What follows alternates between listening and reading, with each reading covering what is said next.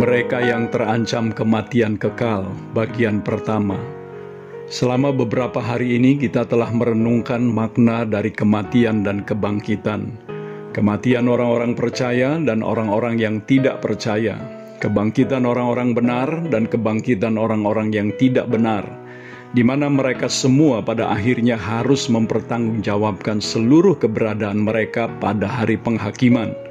Bagi orang percaya, mereka akan menghadap tahta pengadilan Kristus untuk mendapatkan upah sesuai dengan perbuatannya, sedangkan mereka yang di luar Kristus akan dilemparkan ke dalam neraka.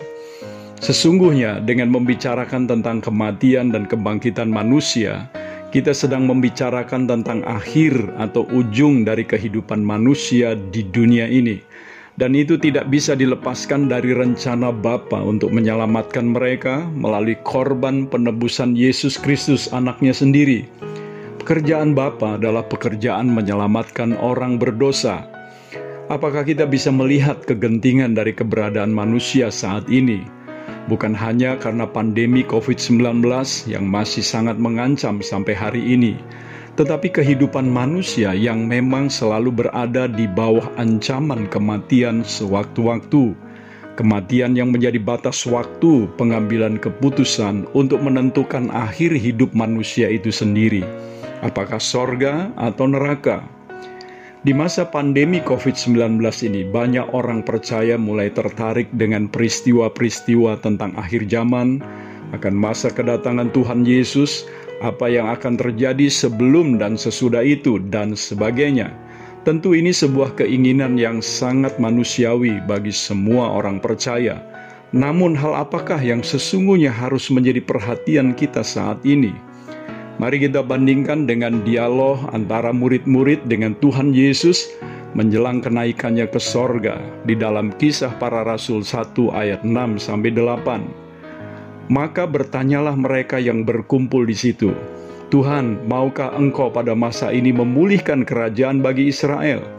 Jawabnya, engkau tidak perlu mengetahui masa dan waktu yang ditetapkan Bapa sendiri menurut kuasanya.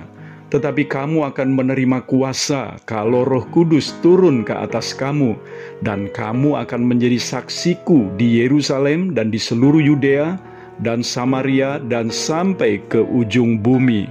Dari dialog tersebut, kita melihat dan merasakan bahwa soal-soal menyangkut pemulihan Israel yang berkaitan dengan masa kedatangan Tuhan dan segala sesuatu yang menyertainya memang sangat menarik bagi murid-muridnya.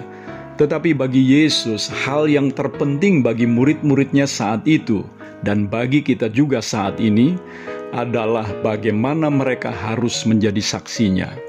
Jadi, sangat jelas bahwa Yesus memiliki perhatian yang jauh lebih besar terhadap keselamatan jiwa-jiwa yang terhilang saat ini daripada membangkitkan rasa ingin tahu yang bersifat duniawi tentang hal-hal di masa depan.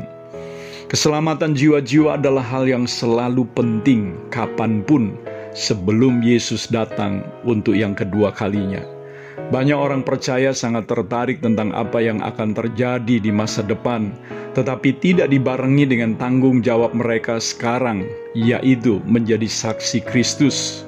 Di dalam Yohanes pasal 4, Tuhan Yesus memanfaatkan perjumpaan dengan wanita Samaria untuk menyatakan siapakah dirinya. Perempuan tersebut akhirnya menjadi percaya, dan sebagai akibatnya, kesaksian wanita berdosa yang telah mengalami perjumpaan dengan Yesus ini mengakibatkan banyak orang Samaria dari kota itu menjadi percaya kepada Kristus. Yohanes 4 ayat 39 mencatat, dan banyak orang Samaria dari kota itu telah menjadi percaya kepadanya karena perkataan perempuan itu yang bersaksi, ia mengatakan kepadaku segala sesuatu yang telah kuperbuat.